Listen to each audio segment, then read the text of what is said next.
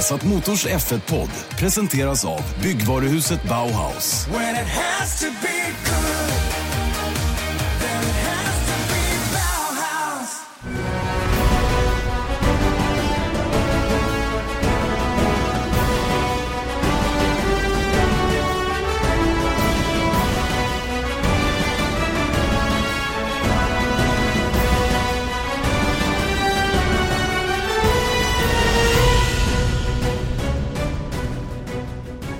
Ja, mycket välkomna ska det vara till Viasat Motors Formel 1-podd som idag sitter och laddar lite grann för eh, Formel 1-premiär. Och eh, vem är bättre att snacka Formel 1-premiär då än Rickard Dudell, välkommen.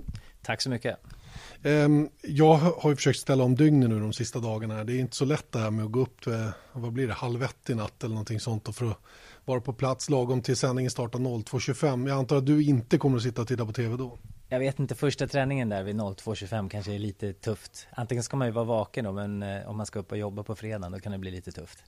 Det är ju många annars som, som kommer att gå upp och titta, men ett bra tips är ju annars att spela in den och lägga den kloss i kloss. Då får man gå upp kanske, vad blir det då? Vi, den andra träningen börjar halv sju, halv sex, sex. Då får man sätta igång den första träningen klockan sex, eller klockan fem blir det då. För att, för att hinna se båda efter varandra. Det kan ju vara ett tips. Kanske kan göra så, men eller så får man fokusera på träning två och så kolla Twitter innan eller något. Eh, vad känner du inför premiären nu? Det är ju, har ju gått några månader sedan, sedan senast så att säga. Har du, några, har du några speciella förväntningar i år? Ja, det är lite kul tycker jag med alltså, upp förväntningarna och vintern. Man har sett testerna. De har haft två fyra dagars tester. Eh, och det är klart att man eh, lite tänker, vad, vad står de någonstans? Men jag tror alla har sin uppfattning över vart de står, men man vet inte om det är något team som mörkar lite mer än andra. Hamilton sa till exempel att han tror att Ferrari har mer att ge än vad de har visat. Så att, eh, det, där, det visar sig självklart på, på kvalet. Det är först då man, man, vet var de står någonstans. Så inte helt avgörande heller första racet i Australien, men eh, ändå ganska mycket. Har du kört där på, på, på Albert Park? Nej, aldrig kört där. Jag har kört, varit i Melbourne och kört eh, Sundown eh, 500, eh, australiensiska V8. Eh, men aldrig där.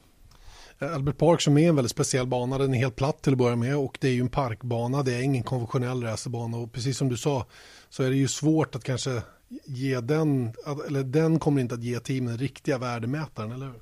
Nej, så är det ju varje år, men å andra sidan så, så ser man, jag tycker man ser ganska tydligt vart de står någonstans och, och då, då är det i alla fall ingen som mörkar, alla kör ju ändå för fullt. Hoppas du att någon kan utmana Mercedes? Det är klart man gör, självklart. Det, alltså, när man vunnit VM två år på raken så vill vi väl jag tror de flesta håller med om att eh, man gärna vill se, ja, självklart Kimi, men eh, vi är alla medvetna om att Fettel är ett strå vassare. Eh, och se Fettel utmana Hamilton eller Rosberg vore ju grymt kul. Och det finns många anledningar till varför man vill ha den, den utmaningen från Fettel eller Kimi Räikkönen. Jag tror också att han kan vara, vara snabb i år, i alla fall utifrån vad jag såg under testerna. Och eh, då, då, tänker jag så här att för så fort att Ferrari börjar störa Mercedes så kanske de behöver tänka om lite grann internt också för de har inte behövt racea någon så här långt. De här två säsongerna har ju de varit helt ensamma där framme med några få undantag och det är ju någon gång när någon har lyckats störa dem och då har det blivit väldigt krångligt för dem. Ja precis så har det ju varit. De gånger Fettel har kvalat in där framme så har han ju verkligen haft chansen så att det blir helt annat med strategier och det är så enkelt att få starta i pool, ta ledningen och, och, köra, för då kör du ditt race helt och hållet. Du behöver bara fokusera på det. Men när du är i trafik och när du måste ta hänsyn till andra däckstrategier och annat, då blir racet ett helt annat. Och, eh, och det är det som är kul att se. Det är det vi vill se som publik också. Och jag tror, eh, självklart är det så att det är närmare mellan eh, Mercedes, Ferrari och Ferrari Williams som jag skulle vilja sätta som trea. Men, men jag tror ändå, om man tittar på det som har varit, så tror jag ändå att Merca har ett litet försprång fortfarande. Det som de verkar ha haft försprång med det är ju att skruva ur det där lilla extra just under kval. Att, att positionera sig längst fram hela tiden och därifrån kunna diktera villkoren. Eh, och det är väl det man hoppas kanske att Ferrari har lyckats hitta någonting också där de kan ett varv under kvalet verkligen skruva på så att de som kan vara med. Ja, det är det man vill se. För racemässigt så var de ju helt klart närmare än kvalmässigt förra året. Eh, men å andra sidan har de närmat sig och fortfarande kvalar efter så borde de då, eh, eh, alltså racetidsmässigt vara kanske ännu bättre med och helt klart så tror jag att det finns större chans att Ferrari vinner fler race i år än förra året. Då kommer vi in på det här med kval för att eh, det ser ju lite annorlunda ut det här nya utslagningskvalet då som, som man har tagit ett steg längre än vad man gjorde tidigare. Det var ju ett form av knockout-kval förr också men till i år så, så har man ändrat formatet till mångas eh, förtret tror jag. Va, va, vad säger du om den ändringen? Är förvånande är väl det första tanken. Alla bara, vad, det, det, det har ju gnällts om många saker i Formel 1 men inte så mycket om kvalet. Eh, speciellt då sen man införde Q1, Q2, Q3 och innan man gjorde det så kunde ju ett, ett team sitta här nästan hela kvalet och bara ut sista sju minuterna och köra två runs. Eh, men nu tvingas man då ut Q1, Q2, Q3 och, eh, så jag tycker att kvalet har varit ganska bra. Men det är klart att eh, de vill försöka spicea upp det ännu mer och försöka få lite ännu mer eh, kalabalik kanske eller få bilar som kanske inte hade räknat med att åka ut och åka ut tidigare och sånt.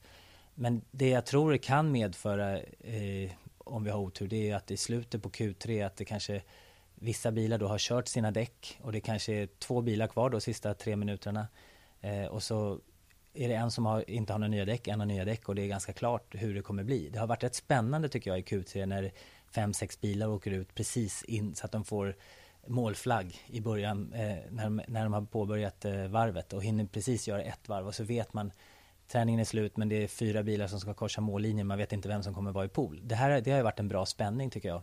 Det kanske vi tappar. Å andra sidan så kanske det kommer bli då några som gör bort sig i kvalet lite grann och, och det blir då placering, de kommer starta i konstig ordning och det medför ju å andra sidan då ganska bra racing. Så att det finns eh, plus och minus. Vi får väl nästan följa några race och säga helt säkert vad, om, det, om det var rätt eller fel. Det är väl så att tillgången på däck kommer ändå styra hur man kör och lite beroende på hur bra man är förbrukar man ju däcken lite olika då. Jag menar ta ett team som Sauber då eftersom vi har svenskt i det teamet. De kommer sannolikt att köra två set redan i Q1 för att överhuvudtaget ha chansen att gå till Q2. De två försöken måste man ju då göra innan de här 90 sekunders nedräkningen börjar. Och så får man ju hoppas att det räcker. Eh, I Q2 så har man eh, kanske ett skrubbat sätt att göra ett första försök med och sen ett ytterligare nytt däck att göra ett försök med i för att försöka ta sig vidare till Q3 då. Och allt det här måste ju också ske då innan de här 90 sekunderna börjar. Och det är väl det du är inne på lite grann, att man flyttar egentligen vad som sker till början på de här Q'erna istället för i slutet. Ja, precis, exakt så är det. Och då kommer ju då de lite sämre teamen kommer ju ha gjort av med sina däck mycket tidigare än de bättre teamen. Men det är klart att det kommer vara så att de, ett team som tredje rankat, säger Williams eller Toro Rosso, Force India där, att de kanske försöker vänta lite längre. För vi vet också att viss, ibland så är det ganska mycket bättre i slutet på Q2 till exempel. När fler, ju fler har kört nya däck, ju bättre eh, grepp blir det i banan. Eh, så att det blir mycket taktik och mycket att följa. Och, men frågan är om det, om det kommer göra det så mycket bättre än vad vi hade tidigare. Ja, det låter ju krångligare, men eh, det är väl kanske det som är meningen också. Om vi vänder på det i andra änden då. Mercedes kommer att köra kanske ett set i Q1, kommer att räcka för dem. Kommer inte vara hotade, de kommer att vara topp 15, vilket krävs för att gå till Q2. Eh, samma sak tror jag nästintill, fast kanske på en mjukare gummiblandning i Q2, där man ser till att banka in ett varv tidigt som man är, topp 8, vilket Mercedes och Ferrari Sen blir det väl tuffare ju längre ner man kommer, bör kunna vara tämligen enkelt. Då kommer vi då till Q3 där de troligen då bankar in ett varv tidigt för att se till att vara minst topp 4 så att man passerar första 90 sekunders perioden i alla fall och den andra. Sen, sen, blir det ju mer spännande, vilken blir, vilka blir de två sista så att säga då, som klarar den sista skarven. Och då lär man ju vara ute när det är kanske 3-3,5 minut kvar för att göra det där sista avgörande försöket då. Och, eh, så det kommer inte bli någon shootout känner jag i de sista 90 sekunderna för det kommer man inte ha tillgång till däck för. Nej precis och jag tror inte att man riskar, alltså det är inte så att banan är så mycket bättre för att fyra bilar till har kört nya däck. Jag tror inte att man, man riskar det om man är fyra, femma som du sa där. Eh, då åker man ut i tid. Men kanske att vi kommer se en och annan gång någon som gör bort sig och, och missar, eller det kommer vi nog se flera gånger. Eh, och får starta längre bak än, än som var tanken. Och det är klart att det kommer bli roligare att titta på under racet. Ehm, så att eh, vi, vi, jag tror att man måste utvärdera det efter några race och se om det var bra eller inte. Men vi kommer förlora spänningen i slutet på Q3, det är jag rädd för. Mm, det tror faktiskt jag också. Ehm, varför tror du att det här kom till? Var, var, liksom, du var förvånad över att man lagade något som inte var trasigt på något sätt. Och jag har väl min egen teori om varför det kom till. Vad, vad tror du? If it ain't broken, don't fix it, mm. brukar man ju säga. Exakt. Och jag, eh, nej, jag, jag, vet faktiskt inte. Det, jag, precis som alla andra är förvånad till varför, varför de eh, införde det. Du får berätta. Jag tror ju att strategigruppen var rädd för att anses vara tandlös helt enkelt och att man satte sig ner och försökte komma fram till hur nästa års reglemente ska se ut. Vilket man inte lyckades med och istället kom man upp med ett förslag om att ändra kvalet som alla bara höjde på ögonbrynen åt. Och det roliga var att alla teamchefer godkände det. Förslaget var ju delvis från Bernies sida och eh, även från FIA då. Eh, och man undrar lite grann varför de föreslog något som alla uppfattar ändå som väldigt konstigt. För när snacket gick hemma i teamen med ingenjörer och förare, då var de så här, varför, varför? Hur ska vi göra det här? Det här blir jättekonstigt. Och då förstod man inte riktigt varför teamchefen hade gått med på det när de personalen i egna teamet inte var speciellt förtjusta i idén. Så att det var en ganska rörig situation känns det som och eh, vi får väl hoppas att eh, att inte det ställer till det så att man behöver ändra igen för då skulle ju Formel 1 se ännu konstigare ut i allmänhetens ögon. Ja, och det är ju konstigt om det har kommit till på det sättet som du säger och eh, det är mycket troligt. Men det är precis som att de bara behövde, som du säger, fatta ett beslut eh, och komma överens om någonting. Kanske var det enda de kunde komma överens om. Ja de har ju fått mycket kritik i alla fall i den här strategigruppen för att vara ganska tandlösa då när det gäller att, att bestämma sig för saker och ting. Vi lämnar helt enkelt det. Vi har ett kvalformat som är nytt och det ska bli spännande att följa det på lördag morgon. Eh, kvalet som startar 07.00. Vi börjar sända 20 minuter innan. Se till att ni är väl förberedda och säkert eh, förklarat en gång till hur det nya formatet ser ut. Så missa inte det. 06.40 alltså på Viaplay, Viasat Motor eller på TV10. Ehm, vi har andra saker som eh, det kanske pratas mest om just nu det är det här med radiotrafiken mellan team och förare. Där eh, internationella förbundet då, FIA har bestämt sig för att eh, ännu hårdare granska vad som sägs mellan team och förare och ännu mindre ge möjlighet för teamet att coacha föraren. Jag vet inte hur mycket du har använt av sån coaching i den racing du har bedrivit genom Say hello to a new era of mental health care. Cerebral is here to help you achieve your mental wellness goals with professional therapy and medication management support. 100% online. You'll experience the all new Cerebral Way, an innovative approach to mental wellness designed around you. You'll get a personalized treatment plan from a therapist, prescriber, or both in a safe and judgment free space. Your cerebral therapist or prescriber will outline a customized plan with clear milestones along the way so you can get to feeling your best. With Cerebral, you're not alone in your mental health journey. We're here to empower you to live a fulfilling life. So take that first step towards a brighter future and sign up today at cerebral.com slash podcast and use code ACasts to get 15% off your first month. Offer only valid on monthly plans. Other exclusions may apply. Offer ends July 31st, 2024. See site for details. Hey, I'm Ryan Reynolds. Recently, I asked Mint Mobile's legal team if big wireless companies are allowed to raise prices due to inflation. They said yes. And then when I asked if raising prices technically violates those onerous two year contracts, they said, What the f are you talking about, you insane Hollywood ass? So to recap, we're cutting the price of Mint Unlimited from $30 a month to just $15 a month. Give it a try at mintmobile.com slash switch. $45 up front for three months plus taxes and fees. Promoting for new customers for limited time. Unlimited more than 40 gigabytes per month. Slows. Full terms at mintmobile.com. Nej, det har egentligen inte varit så mycket. Det är inte så mycket vi kan ändra på i en touringcar och i Formel 1 har inte varit så pass mycket förut. Men alltså sen nya motorerna kom in i Formel 1 så är det ju väldigt mycket knappar och vrida, alltså de ska vrida hit och dit på olika, man vill ändra inställningar inför varje kurva, det kan vara ändringar varje varv, flera grejer. Men, eh, och det här med att man tar bort radiotrafiken, det är klart, på ett sätt kanske är det bra då att inte publiken förvillas över alla de konstiga koder teamet ger, att du ska vrida på den knapp två till position tre och, och så vidare. Eh, och mer att man ska se vad som händer på banan. Och sen då, men idén från deras sida är ju självklart då att, ta, att eh, teamen inte ska kunna hjälpa föraren och att det ska bli mer förarens input som, som styr resultatet på banan. Och jag tror inte att det kommer ändra så pass mycket. Jag tror föraren kommer, kommer få ännu mera hemläxa. Sitta i hotellsängen på kvällen och plugga in knapparna här, eh, eller köra i simulator och träna ännu mer på att vad du ska göra vid de tillfällena. Så att eh, föraren kommer vara otroligt inprogrammerad på vad han ska göra vid vissa tillfällen. Eh, och det kommer självklart vara mycket nytt för föraren att eh, mer att styra och tänka och så att eh, självklart lite mer jobb för föraren, men jag tror inte att det kommer förändra resultaten speciellt mycket. Är det bra tycker du att man gör den här ändringen då? Att, att ge ansvaret mer till föraren då än, än att den kan slappna av och förvänta sig ett påminnelserop över radion, över vad det nu kan vara? Ja, kanske i och med att det är så pass mycket, mycket saker och inställningar så kanske bra att man inte, just att den, den radiotrafiken försvinner och att det är mer eh, det som händer på banan för publiken. Eh, å andra sidan så, eh, jag tycker inte att det var en jättestor grej, men eh, varför inte? Nej, det blir spännande att se vilka som, några kommer ju lösa det bättre än andra och, och, det är klart att det kommer att ta lite tid innan man, innan man märker vilken, vilken påverkan det får och vilka system man behöver förändra under året då för att, för att, för att lösa det för föraren så att säga. Då. Men bara det här med jag kan tycka att radion ska användas för att varna föraren över saker. Om det händer någonting som man behöver ha reda på rent säkerhetsmässigt är det väl bra. Eh, om man har punktering eller om det är något problem med bilen och sådana saker. Och det tillåter ju fortfarande FIA. Men det är ju all annan form av coachning. Det tycker jag föraren ska få, få klara av på egen hand.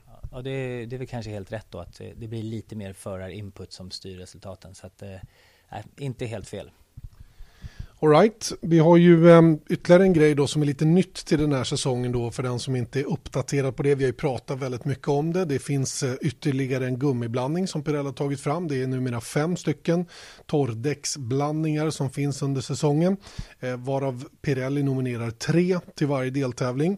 Och eh, det här gör ju då att eh, alla teamen får ett lite bredare fönster att välja ifrån så att det passar respektive chassi lite bättre. Va, va, vad tror du om den förändringen?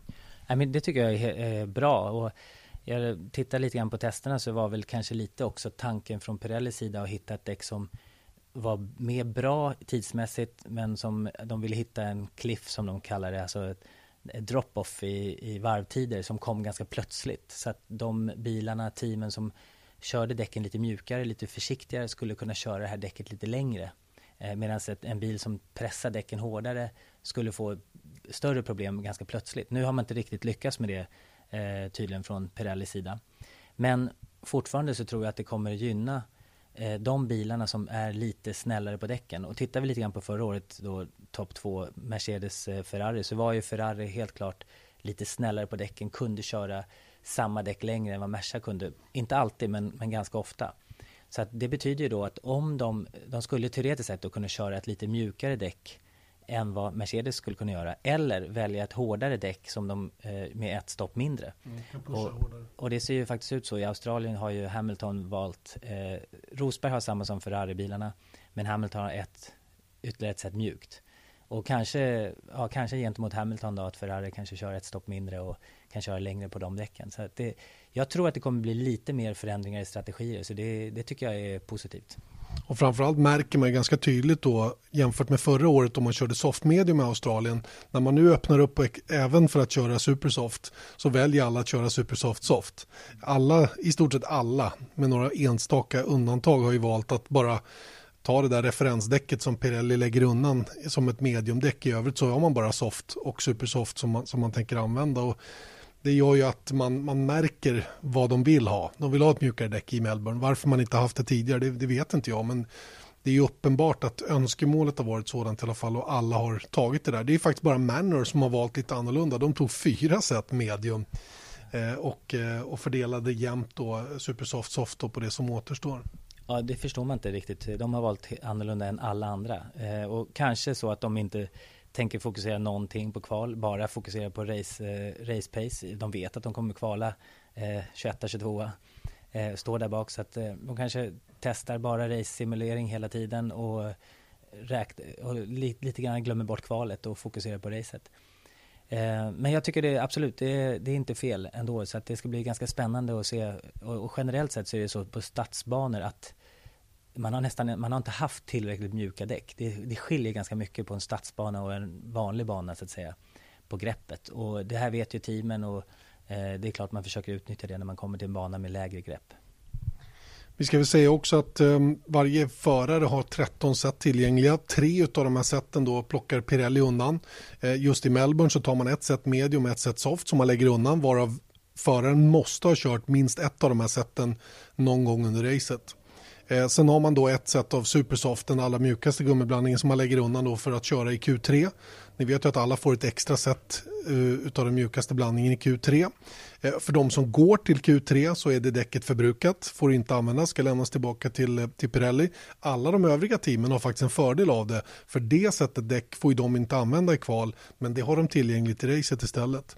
Så det är lite intressant det där också. Och, um, just i Melbourne då att det blev eh, ett soft och ett medium som man lägger undan då för, för att använda i racet. Det kan vara två, det kan vara två set medium någon annanstans eller två set soft någon annanstans. Så det kan vara två av samma gummiblandning men man väljer alltid undan två set däck som teamen måste ha kört minst ett utav under racet och det är ju Pirellis sätt att kanske försäkra sig mot att ingen är för aggressiv när det gäller däcksvalen under ett race. Så att man vet att rent säkerhetsmässigt, och jag menar, Pirelli kommer ju aldrig nominera ett däck som de vet är farligt att köra på någon bana. Det kommer ju aldrig få se ett supersoft på Monza till exempel. Nej, eller två ultrasoft. Nej, Nej helt klart är det så. Och jag tror Pirelli kommer nog, de tänker ju först och främst på att alla ska överleva. De, de vill ju inte ha den negativa kritiken som blir när teamen pratar om att däcken inte höll. Så att, eh, det är nog så att helt rätt att de kommer nog ha ett lite hårdare däckalternativ där för teamen att använda. Eh, om vi pratar Saubers val då så har ju Marcus och Nasser valt lite olika. Nasser har tagit ett extra set av den mediumblandningen, samma som Rosberg och Hamilton har valt olika också då har de gjort i Sauber. Jag tror att det Haas, Haas-förarna också, Gutierrez och Grosjean, inte har gjort exakt lika. Och det är också förare individuellt där. Det tycker jag är lite spännande också att det, vi faktiskt kan få se två olika däckstrategier i ett och samma team. Och det är ju bara smart för att eh, man vet inte exakt temperatur. När de, de väljer det här, jag kommer inte ihåg om det var 13 veckor innan eller vad det var, alltså, långt innan som man ska välja däcken. Och man vet ju inte alls vilken temperatur det kan vara. Så det är väl ganska bra för teamen att säkerställa. Man vill ju Föraren vill ju självklart vara den som är först i teamet, men teamet vill samtidigt ha en av förarna med ganska bra. Så att, eh, jag tycker det är inte förvånande att man väljer olika strategier för dem. Och eh, ett team som Sauber som hade svårt ibland att köra lite hårdare gummiblandningar eftersom chassit inte var lika effektivt som Mercedes, Red Bull, Ferrari många gånger. De har ju stor nytta av att det faktiskt blir en mjukare gummiblandning ytterligare nu att välja ifrån och att det är ganska fritt ändå att välja. Ja, absolut. Och jag tror att det, jag tror vi kommer få se lite annorlunda, strat, mer annorlunda strategier i år eh, mot förra året, helt klart. All right, det om däcken vi har sett lite andra saker, det kan ni få uttala dem faktiskt, det här med Halo eller Halo, jag vet inte hur man vill kalla det, Glorian mm. som Halo faktiskt står för då. Eh, det här huvudskyddet som testades under, under Barcelona-testerna, man körde något varv vardera för, för Kim Räikkönen och eh, för Sebastian Vettel med den här ja, kolfiberkonstruktionen då som man sätter runt omkring eller ovanför huvudet då för att skydda mot större objekt ska vi säga då att eh, typ däck eller större mm, karossdelar som kommer flygande. Mindre prylar kommer ju alltid kunna passera igenom där men vad säger du om eh, ett, ett ökat huvudskydd? Det är ju lite delade meningar bland förarna i Formel 1. Ja, verkligen. De som kritiserade mest var ju Hamilton och Hülkenberg, tror jag, som uttalade sig ganska negativt. Ehm, och det är klart att det där är, det bottnar ju ganska långt tillbaks med vad, vad Formel 1 står för, vad det är och många bedömer det liksom som en risksport, att man ska se upp till förarna som tar de risker de tar, att liksom lite hjältar på något sätt. För mig är inte Formel 1 det längre, för mig är Formel 1 mer ett eh, det är tekniken och bilarna och, och, jag tycker det är bra om man kan ta bort faran så pass mycket, så mycket som möjligt. Och man har gjort banorna mycket säkrare, bilarna är otroligt mycket säkrare.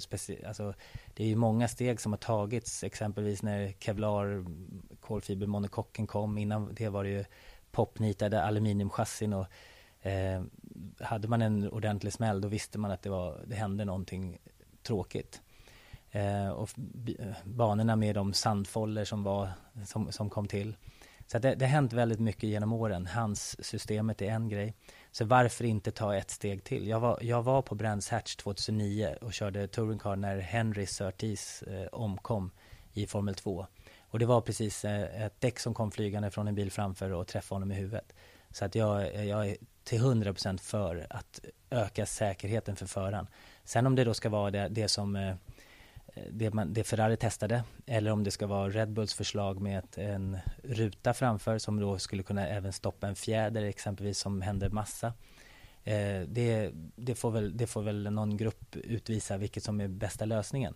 Men eh, man kör ju med eh, closed cockpit i andra klasser så att eh, varför inte? Du har inga estetiska synpunkter på det, att bilarna skulle bli fula och så vidare. Hamilton han bara skrek rakt ut när han såg det där, please no eller någonting sånt där. Va? Vilket man kan, man kan se det från två olika sätt. Naturligtvis tycker han inte att den var snygg, men det blir lite respektlöst också mot familjer och anhöriga till de förarna som nu på kort tid faktiskt har råkat illa ut. Henry Surtis nämnde det ju. Eh, vi hade ju Justin Wilson förra året i Indycar också som, som troligen hade skyddats av något form av huvudskydd eftersom det var en stor noskondel som träffade honom i huvudet. Ja, alltså jag förstår självklart. Visst kommer bilarna, bilarna kanske se lite fulare ut. Eh, och man, annorlunda. Man är van med hur de har sett ut. Men å andra sidan så eh, en gång i tiden så hade de inte vingar, så kom det vingar. Liksom. Det, har gjort, det har ju skett förändringar och jag tycker inte man ska vara rädd för att göra förändringar och jag tycker inte att eh, den stat eller hjälteglorian eller vad man ska säga, att, eh, på det sättet, att se på Formel Say hello to a new era of mental health care. Cerebral is here to help you achieve your mental wellness goals with professional therapy and medication management support. 100% online. You'll experience the all new Cerebral Way, an innovative approach to mental wellness designed around you. You'll get a personalized treatment plan from a therapist, prescriber, or both in a safe and judgment free space. Your cerebral therapist or prescriber will outline a customized plan with clear milestones along the way so you can get to feeling your best. With Cerebral, you're not alone in your mental health journey. We're here to empower you to live a fulfilling life. So take that first step towards a brighter future and sign up today at cerebral.com slash podcast and use code ACasts to get 15% off your first month. Offer only valid on monthly plans. Other exclusions may apply. Offer ends July 31st, 2024. See site for details. Hey, I'm Ryan Reynolds. At Mint Mobile, we like to do the opposite of what Big Wireless does. They charge you a lot we charge you a little. So naturally, when they announced they'd be raising their prices due to inflation, we decided to deflate our prices due to not hating you. That's right. We're cutting the price of Mint Unlimited from $30 a month to just $15 a month. Give it a try at mintmobile.com slash switch. $45 upfront for three months plus taxes and fees. Promo for new customers for limited time. Unlimited more than 40 gigabytes per month. Slows. Full terms at mintmobile.com. Som ett, att det är en stor risk. Jag tycker man ska ta bort risken så mycket som möjligt och se istället till det, den sport som det är idag, liksom med tekniken och bilar som går väldigt fort och den utvecklingen som sker. Tycker jag är, är häftigare att följa på det, av den anledningen. Du är med andra ord enig med Marcus Eriksson för han är ganska tydlig. Han har varit väldigt um, vad ska jag säga, utåtriktad med att han, han är helt för ett förbättrat huvudskydd för förarna. Han kan inte se att det finns några, no, några skäl till att inte införa det så att säga. Och han menar ju på att om tio år då kommer vi undra vad man höll på med innan man införde det här. Tror du också att det blir så? Absolut, det är, det är så utvecklingen går framåt och man eh, och jag tror, att, jag tror på att göra bilarna säkrare, säkrare för förarna om man kan göra det utan att det är någon väldigt stor förändring och jag tycker inte att det är en jättestor förändring. Nej, det är, det är som du säger, det blir någon grupp som får utvärdera vilket av de här som är det bästa och eh, det är ju många, det finns nackdelar med det naturligtvis också, bilar som hamnar upp och ner, hur tar man sig ur cockpit om det skulle krävas och så vidare. Det finns många frågetecken också som måste rätas ut innan man vet vilket av de här systemen som man ska införa. Det är om detta då. Jag tänkte vi skulle prata lite team också. Du gjorde en liten fin rangordning här som vi, som vi har framför oss här. Men innan vi går in på den så kan vi konstatera att vi har tre rookies i år. Vi har eh, Julian Palmer, vi har eh, Rio Harianto och vi har jag eh, ska se, en till. Eh, Julian Palmer. Verline. Verline, ja. Just det. Så, bra. Tack. Jag är inte riktigt påläst än. Två stycken där i, i Manor. Men eh, ja, det ska bli kul att följa Verline faktiskt, som man har följt sedan eh, flera år tillbaka och var grym i Formel 3 och har gjort ett otroligt bra jobb för Mercedes i DTM. Harianto är lite mer frågetecken på liksom resultatmässigt. Men eh, han har... Ändå racevinnare i både GP2 och GP3 så att han är ju liksom på meritlistan har han väl ändå en okej okay CV. Absolut och sen har, ja han är värd att sitta i Formel 1, absolut. Och sen har han otroligt mycket följare så att eh, man hoppas ju att Formel 1 ska hitta ännu mer supporters eller där ute med, i, i och med att han är i Formel 1. Och sen Palmer självklart som vann eh, fjärde försöket eh, för säsongen innan förra 2014 i GP2. Mm. Eh, vi har dessutom ett helt nytt team, amerikanska Haas F1, där Gene Haas har satt ihop en operation som ska klara sig och överleva i Formel 1. Eh, mycket genom att samarbeta med Ferrari och med ett annat italienskt företag, nämligen Dalara. Dalara som då har byggt chassit, men där merparten av de delar man behöver i övrigt för att bygga upp bilen kommer ifrån Ferrari. Vad, vad tror du om det för försöket eller den här satsningen? Ja, det har varit ganska mycket snack just om att har, man, har de utnyttjat det nästan lite över gränsen där man har fått väldigt mycket hjälp. Det är ju Ferraris B-team kan man ju säga. Eh, och med tanke på hur pass bra och imponerande de var på testerna i, i Barcelona så har de nog fått en hel del hjälp för bilen rullar ju faktiskt väldigt, väldigt bra. Eh, de hade väl efter någon dag hade de lite problem och så men eh, jag, jag, tror att de kommer göra ett helt okej okay jobb men de kommer ju få svårt att blanda sig i eh, Eh, de, de kanske kommer slå Manor, det tror jag att de har bra chans att göra av vad man såg fartmässigt men om de ska kunna ta sig upp eh, förbi McLaren Renault Sauber som kanske är gruppen framför, det, det tror jag blir lite tuffare. De har ju också en lite speciell lösning för hur de jobbar rent logistiskt då med huvudkvarteret då i USA, i, i Charlotte. Och sen så har de då en, en, eh, vad ska vi kalla det, en assembly factory eller någon sån här så hopsättningsfabrik i, i Banbury i England. Ehm, tror du att det här kommer vara till nackdel eller så? De pratar ju redan nu om att de har dåligt med reservdelar på plats i, i Melbourne då, inte hunnit tillverka några nya.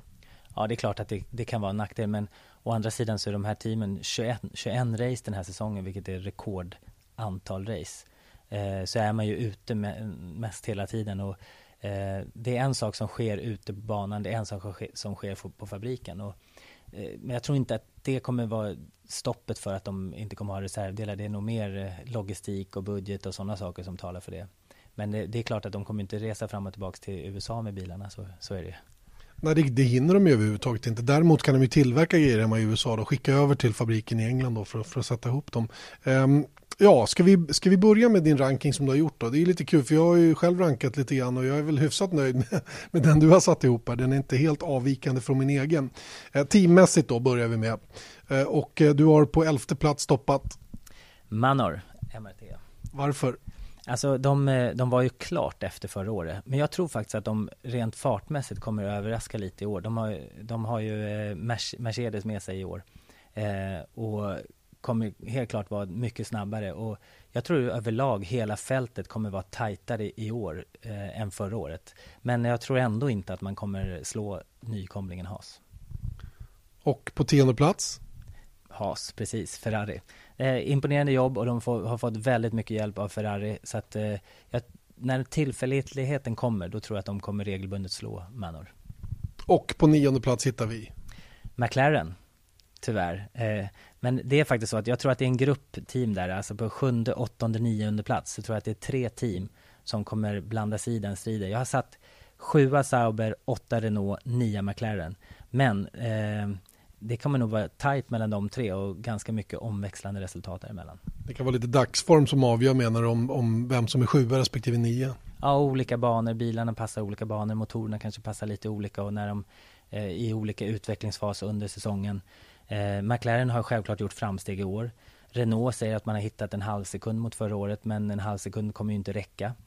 Eh, Sauber, som har en mycket bättre Ferrari-motor i år då självklart än, än förra året. Eh, men frågan är om det kommer hjälpa dem att komma bättre än sjua, det tror jag inte. Varför är McLaren så långt ner fortfarande i dina ögon? Vad, vad är det de saknar? Är det fortfarande Power Unit-problemen som, som inte är lösta till 100%?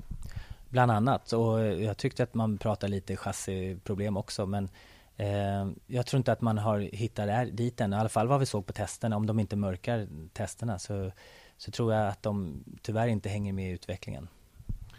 Vi får se vad som händer. Eh, Honda har ju bytt chef. Eh, gamle chefen Yasuhisa Arai har fått lämna då för en, en, annan kraft som kommer in istället. Som enligt uppgift är lite lättare att kommunicera med. Det här med att jobba med japaner det har ju du erfarenhet av. Vad, vad, vad tror du om det där samarbetet med McLaren-Honda? Det var ju lite romantiskt kan man ju säga. Eh, synpunkterna på att det skulle bli ett nytt sånt samarbete då från början på 90-talet när de var så oerhört starka senast. Ja, vi vill ju gärna tänka tillbaka på McLaren Honda-tiden, slutet på 80, början på 90. Eh, men sist Honda var med var ju faktiskt då 2006, 7, 8. Eh, och när eh, Braun köpte teamet eh, och stoppade in en eh, Mercedes-motor så var de, vann de ju VM 2009. Så att uppenbarligen var det ett ganska bra chassi. Man har inte haft det så lätt. Det brukar ta lite tid för, för dem att hitta rätt, japanerna, när de gör någonting. Men å andra sidan, när de väl gör det så brukar de vara väldigt duktiga det har tagit lite för lång tid. Man var inte där man skulle vara i början på förra säsongen. Sen som reglementet är gjort så är det inte så lätt att göra förändringar hur som helst. Och man kan inte bara utveckla en helt ny motor till året efter utan de måste bygga vidare på det de har, har valt år ett. Ehm, så att tyvärr så tror jag att det, det, det som de har gjort från början i utvecklingen av den här motorn kommer ligga, ligga dem i fatet hela vägen. Och där var ju Mercedes eh, väldigt, väldigt duktiga och klart överlägsna och byggde den bästa motorn från början. Mm. Honda som eh, enligt uppgift har ett underdimensionerat turbo turbo och eh, kompressor då som ger en för klen ERS helt enkelt återvinning då som gör att man tappar gentemot de övriga då när, när det krävs. Eh, Renault hade du på åttonde plats som du nämnde. Renault som väldigt sent fick klart med att de ska köra just Renault-motor i det där chassit. Eh, Lotusbilen som är faktiskt byggd för Mercedes-motor fick ju konverteras om då så att säga. Och det, det sägs även att den nya Renault-motorn är lite tyngre, vilket eh, inte heller är någon fördel för teamet. Då. Eh, vad tror du om Kevin Magnusson, Julian Palmer då i, i bilarna där? Såklart Kevin Magnusson före Palmer tror jag, eh, fartmässigt. Solklart till och med? Ja, det tror jag. Jag tror att han kommer slå Palmer. Det tog, Palmer har visat att han har farten, men det tog honom fyra år att vinna GP2. Eh, och det kanske är något år för, år för mycket. Eh, så jag tror på Kevin där. Och det är kul ändå att se Renault tillbaks med alltså, fullsponsrad bil, gul bil. Så att eh, vi får någonting nytt att titta på. Alright, vi får se hur långt de räcker. Sjunde plats har du satt oss Abbe Ferrari då med Marcus Eriksson, Filip Nasser och det är ju den fight som vi kommer att naturligtvis ha lite extra ögon på. Det blir ju så när man har svenskt i Formel 1. Eh, vad, vad, tror du om deras två möjligheter då att eh, kommer de att plocka poäng i år också, precis som förra året? Det tror jag och vi hoppas ju självklart eh, på att det är Marcus som ska vara före Nasser. Eh, men Nasser gjorde det riktigt bra förra året och han plockade poäng när bilen var bra, bättre än vad Marcus gjorde. Men eh, sista halvan av säsongen tycker jag Marcus gjorde framsteg och vi hoppas ju på att han ska kunna börja lika bra 2016 och kunna vara med från början. Men Sauber, Renault, McLaren tror jag är en grupp av tre team som kommer, eh, där resultaten kommer bli lite blandade. Sen har du då en annan grupp som är framför dem som eh, inte heller är riktigt lätt att rangordna i rätt ordning. Jag håller med om det faktiskt. Det, det är jättesvårt att veta vilken av dem som är först respektive bakom. Och eh, det är alltså fyran, femman och sexan då i den ranking som du har gjort och där har du på sjätte plats stoppat in. Force India.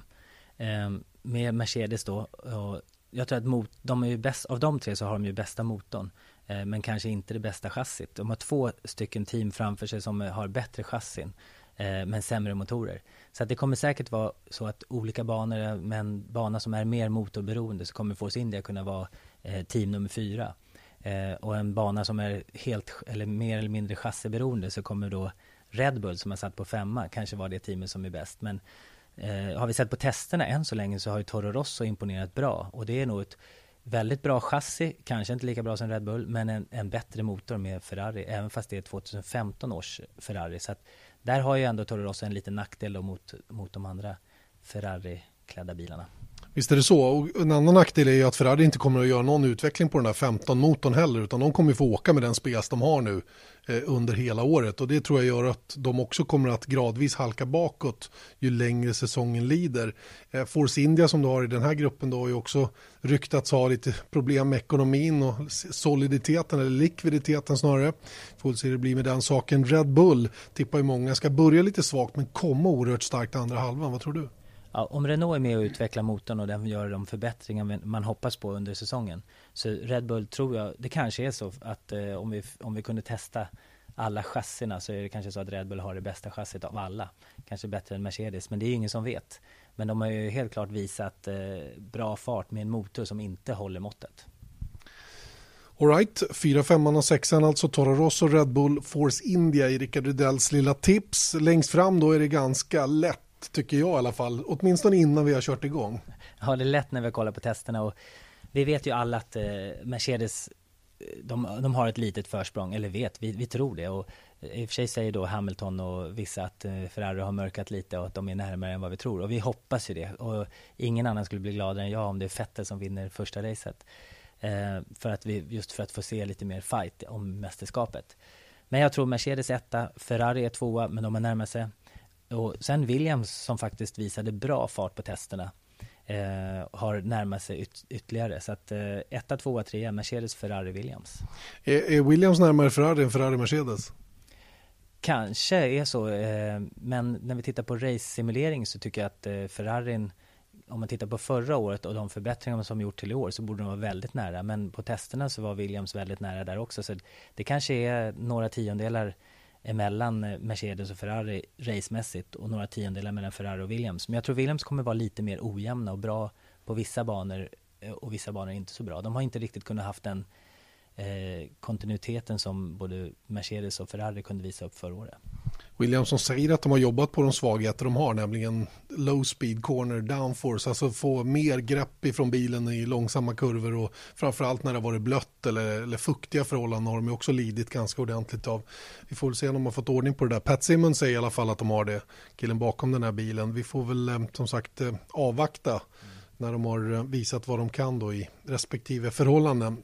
Alright, där har vi eh, rankingen teammässigt. Då är det ju lite intressantare att titta på var förarna hamnar i mästerskapet eh, i, i, i eh, förartabellen då så att säga. Då. Och, eh, vi kan ju gå lite snabbt bakifrån då, där du eh, på 22 plats har Harry Anto. Och framför honom? Verline. Ja, det är bara att räkna på här. Ja, så Gutierrez, eh, Palmer, Grosjean, Button, Alonso, Magnusson, Nasser, Eriksson. Nu stannar vi där. Eh, Okej, okay. de eh, eh från 22 upp till 13 alltså. Rio Harianto och Pascal Wehrlein längst bak. Det var väl inte så oväntat kanske. Manor-teamet får svårt i år givetvis. Du har stoppat in Gutierrez på 20. Den ena av Haas-förarna. 19 Jolion Palmer då, den ena ifrån Renault. 18 blir Romain Grosjean, också han då från Haas och sen båda McLaren-förarna då med Alonso något före Button. Så pass långt ner ändå. Det tror jag många är lite oroade över inför den här säsongen. Kevin Magnusson då på 15, Filip Naser på 14 och Marcus Eriksson på 13. Det är ju en eh, hyfsat svensk syn på det hela, eller? Ja, varför det? Vad tycker du? Nej, men det är klart vi ser Marcus där uppe och han gjorde en bra avslut förra säsongen och Eh, jag tror att om du frågar någon eh, icke-svensk så sätter de eh, ni, nio personer av tio Nasser för Eriksson, tyvärr. Men vi hoppas på Marcus. Alright, ifrån plats 12 då kan vi väl säga upp till plats 7. Där har du stoppat in Carlos Sainz på 12, Daniel Kviat på 11, Sergio Perez på 10, Nico Hülkenberg 9, Daniel Ricciardo på en 8 och Max Verstappen på en 7. Eh, motivera varför du har stoppat Sainz på 12 och Verstappen på 7. De var väldigt jämna förra året, även om den ena hade mer otur med teknik än den andra. Jag vet, jag sätter, man sätter ihop en lista med lite känsla och jag är bara grymt imponerad över vad Verstappen har gjort och Eh, han, skulle, han skulle självklart nästan lika gärna kunna byta plats med Sainz. Så är det. Sainz har också gjort ett jättebra jobb och jag, jag tycker båda är väl förtjänade att vara i Formel 1 och jag tror båda kommer vara i Formel 1 en lång framtid framöver för de har gjort ett grymt bra, bra jobb. Men eh, ett år i, i bilracing och sen eh, göra det han gjorde förra året för Stappen, det tycker jag var otroligt, otroligt bra gjort och jag tror att han kommer fortsätta utvecklas. Med den ålder han har eh, och det jobb han gjorde förra året så tror jag att han bara kommer bli bättre ingen risk för en backlash, att uh, få en reaktion på den fina starten? Självklart är det så att uh, utvecklingen går stegvis och man kanske uh, stannar av lite i utvecklingen, sen lär man sig mer och så tar man ett steg till. Men jag tror att han kommer fortsätta utvecklas. Därför satte jag han som sjua, men att sätta han före Ricciardo till exempelvis, det är ganska tufft kanske. Men jag hoppas på det. Och Kviat, alltså ingen Red Bull-förare före Verstappen. Eh, han slår även Nico Hülkenberg, Sergio Perez då, som, som sitter i hyggligt material också. Ja, det, är, det är en eh, vågad lista helt klart. Eh, ovanför topp 7 har du stoppat in Felipe Massa på en sjätte, Valtteri Bottas på femte, Kimi Räikkönen på fjärde, Nico Rosberg på tredje, Sebastian Vettel på andra och följaktligen då är ditt tips som världsmästare 2016 återigen Lewis Hamilton. Motivera. Alltså tyvärr tror jag att han tar det i år igen. Jag vill se Vettel vinna. Jag är grymt imponerad av det Vettel har gjort. Ja, om jag skulle eh, nämna de tre bästa förarna just nu i Formel 1, lite historiskt då, så är det ju, tycker jag, eh, Vettel, Hamilton och Alonso. Eh, men Alonso lyckades inte få med sig teamet på samma sätt som Vettel gjorde. När Vettel kom till Ferrari så har han motiverat teamet på ett helt annat sätt och fått med sig alla. Och det är många eh, internt i Ferrari som pratar om det också. Så att han är, han är en förare mer lik som Schumacher var. Där han fick med sig alla och, och alla drog åt samma håll. Så jag, så jag tycker Vettel är en väldigt, väldigt stor förare och jag hoppas verkligen att, de, att motorn är så pass mycket bättre som mm, en del pratar om att den är. Att han kan utmana Hamilton, men jag tror inte det kommer räcka. För Mercedes, förutom att vara den kanske snabbaste bilen så har de en otrolig tillförlitlighet i år. De gjorde li nästan lika många varv på åtta dagars tester i år som de gjorde på tolv dagar förra året. Eh, och, så att det är grymt imponerande och Hamilton tar det igen. Och där, där, kan man ju liksom vända och vrida på det lite grann. Många snackar om Hamilton har en ny livsstil, ny image. Eh, han har vunnit VM och han slappnar av. Jag tror att det var lite så förra året. Att han, när han hade vunnit VM, så det krävs väldigt mycket energi för att vinna ett VM. Han hade satsat, gått all in på det. Och sen då blir man, då av, automatiskt så slappnar kroppen av. Du, du tar inte ut det här lilla extra. Och Rosberg var snabbare på kvalen i slutet på förra året. Men jag tror att, jag tror att Hamilton kommer ladda om och vara med i år igen. Rosberg får stryk för tredje året i rad. Alltså. Mm. Ja, jag, jag, jag vänder på de två faktiskt av den anledningen att jag tror att den där fighten kommer att dels bli väldigt, väldigt smutsig i år. Jag tror att de kommer bli väldigt elaka på varandra, inte fysiskt och sådana saker, men jag tror att det kommer bli mycket, mycket, mycket spel eh, bakom kulisserna som vi inte kommer att märka av till 100% och säkert en del eh, offentliga uttalanden som, för, som är då för att störa den andra. Jag tror att Rosbergs chans är att vinna i år för sen har han fått, han fått stryk tre år i rad då, då är han definitivt långsammare och bakom Hamilton för tid och evighet på något sätt. Ja, då blir han en nummer två på, och även i allmänhetens ögon bakom. Eh, oavsett hur bra Hamilton är så Rosberg är en grymt bra förare och han har ju visat det kvalmässigt. Även i go på gokarttiden när de körde ihop så var han ju oftast kvalade han bättre än Hamilton. Men Hamilton är en bättre racer och vinner. Alltså han, han tar det racemässigt men eh, Rosberg är minst lika snabb tror jag kvalmässigt. Ehm, I den här eh, topp 6-listan då, jag tycker det är väntat att ha Bottas massa på femte och sjätte. Det kan vara tvärtom också faktiskt i mina ögon. Det är, det är mycket tillfälligheter som kommer att avgöra det. Kim Räikkönen är ju spännande ändå. Eh, hur bra är han fortfarande? Har han tappat det? Det är många som är oroliga för det och många hoppas att han inte har gjort det och många tror också och, och, tycker sig veta också att han är bättre än Vettel men har haft lite mer oflyt än vad tyskarna. Vad, vad säger du om det? Äh, alltså tyvärr, jag, jag, jag, är fan av Kimi, absolut. Och det är jättekul att se honom där uppe. Men han är inte lika bra som Fettel. Eh, han, han har inte det där sista, kan inte ta ut det där sista. Och kanske talangmässigt, körmässigt kanske han är det. Men Fettel ser till att hans bil och samarbete med ingenjörer och allting. Han, han ser till att allting är hundra. Och det gör inte Kimi på samma sätt. Alright, då tycker jag vi har täckt av det mesta inför premiären här som eh, alltså är, går av stapeln på söndag och eh, jag vill bara avkräva dig vem som startar från pole position nu eh, på söndag. Vem är snabbast på kvalet på lördag? Jag vill säga Fettel. Så att, eh, hoppas på det. Och vem vinner racet? Eh, Hamilton tyvärr. Vad blir det för typ av race tror du? Nej men det brukar väl alltid vara lite spännande sådär och det finns ju ändå Det är klart att det det är väl inte en bana som det sker jättemycket omkörningar men det, det, ska bli kul ändå att följa nya, det som händer med däcken om det blir lite olika strategier eller är det precis som det har varit tidigare. Så att eh, självklart så är det med spänning man sätter på tvn. Och var hamnar Saubern med Marcus Eriksson? Ja, jag gissat Marcus 13 eh, totalt men eh, ska vi säga poängplats 10. Bra tips tycker jag. Hörni, då tar vi och rundar av den här eh, F1-podden, Vesat Motors F1-podd alltså. Det här uppsnacket inför premiären i natt. Eh, om ni lyssnar på den här podden redan idag, alltså torsdag eftermiddag, så vet ni att första träningen går av stapeln 02.25 natten till fredag. Börjar det hela då med första träningspasset 06.25 startar sändningen för det andra träningspasset, detta då alltså på fredag morgon och sen sparkar vi igång eh, natten till lördag med träning då klockan 4 03.55 startar sändningen och eh, sen eh, kör vi igång kvalet då 20 minuter före 7. Alltså 06.40 börjar sändningen då inför kvalet på lördag morgon. Och på söndag då gäller det att vara uppe redan 05.15. Vi har utökade sändningstider i år inför varje lopp med eh, 15 minuter. Vi kör alltså 45 minuter uppsnack inför varje race den här säsongen. Och eh, 05.15 startar sändningen och loppet börjar alltså klockan 6. Det är tiderna som gäller. Vi har satt motor via Play och och kvalet ser ni också då på TV10 i direktsändning. TV10 som för övrigt eftersänder loppet också på söndag eftermiddag. En sak till Rickard eh, som vi inte har nämnt här och pratat om det är ju GP2. Du kommer ju att coacha då Gustav Malja under året i GP2. Du har sett de tester som har körts eh, eh, det verkar på dig som att han är ganska väl förberedd inför den här säsongen där du dessutom ska jobba med mig uppe i kommentatorshytten. Absolut, han, Gustav har gjort ett jättebra jobb. Han är, går in för det till 100% väldigt seriös med sin satsning. Men man ska ju veta att GP2 är en otroligt tuff serie, speciellt då kanske i år där eh, man måste ta det steget för att ta sig in i Formel 1. Eh, Renault har ju dragit tillbaka sin satsning för Formel Renault 3,5 som de körde tidigare.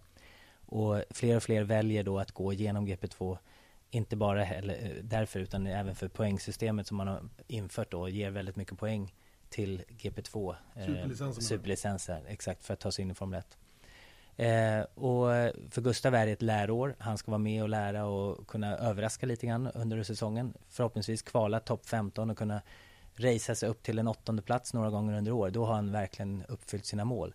Men exempelvis Palmer gjorde fyra säsonger i GP2 innan han vann GP2-mästerskapet. Marcus gjorde fyra säsonger i GP2. Så att det är många förare som kör minst tre säsonger eh, för att kunna ta steget upp i Formel 1. Så att eh, ett läroår i år så får vi se om han kan vara med och göra lite bättre framsteg år två. Det är målsättningen. Det ser vi fram emot. GP2 som har premiär alltså i samband med Spaniens Grand Prix i Barcelona. Då får vi eh, alltså höra Rickard Rydell kommentera tillsammans med mig för första gången och då ska du dessutom hoppa in för Eje. Han ska köra en gammal bil i Monaco då samma helg.